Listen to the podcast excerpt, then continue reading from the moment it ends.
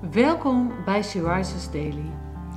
Deze maand is het maandthema Vaders Liefdesbrief. En vandaag luisteren we naar een overdenking van Wendeline Durieus. We lezen uit de Bijbel Efeze 3, vers 14 en 15.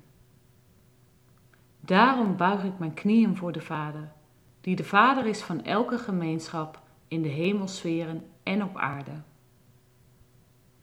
in de hemel en op aarde. God was er altijd. Voordat ik bestond, kende Hij mij. En toen ik in de schoot van mijn moeder geweven werd, was Hij erbij. Hij was mijn oorsprong.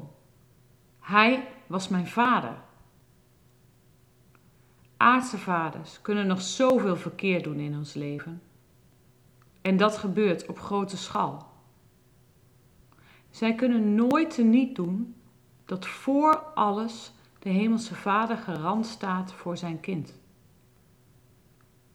Wat er ook in ons leven gebeurt, aan pijn en verdriet en wat er al gebeurd is, en wat ons beraakt in ons diepste wezen, in het puntje van ons hart, is een plaats waar niemand bij kan komen.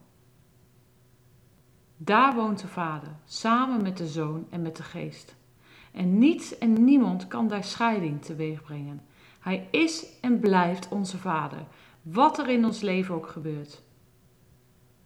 En zelfs als het allerergste ons overkomt, de dood, dan draagt Hij ons de hemelsferen binnen.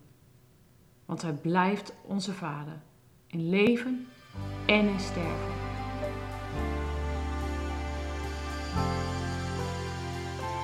God is bij jou van begin tot eind.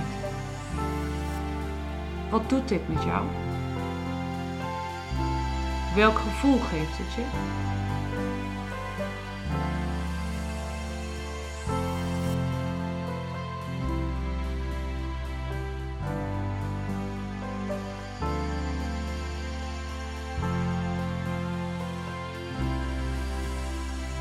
Zullen we samen bidden? Vader, dank u wel dat u aan mijn begin stond, maar dat u dwars door heel mijn leven meegaat tot aan het einde. Amen.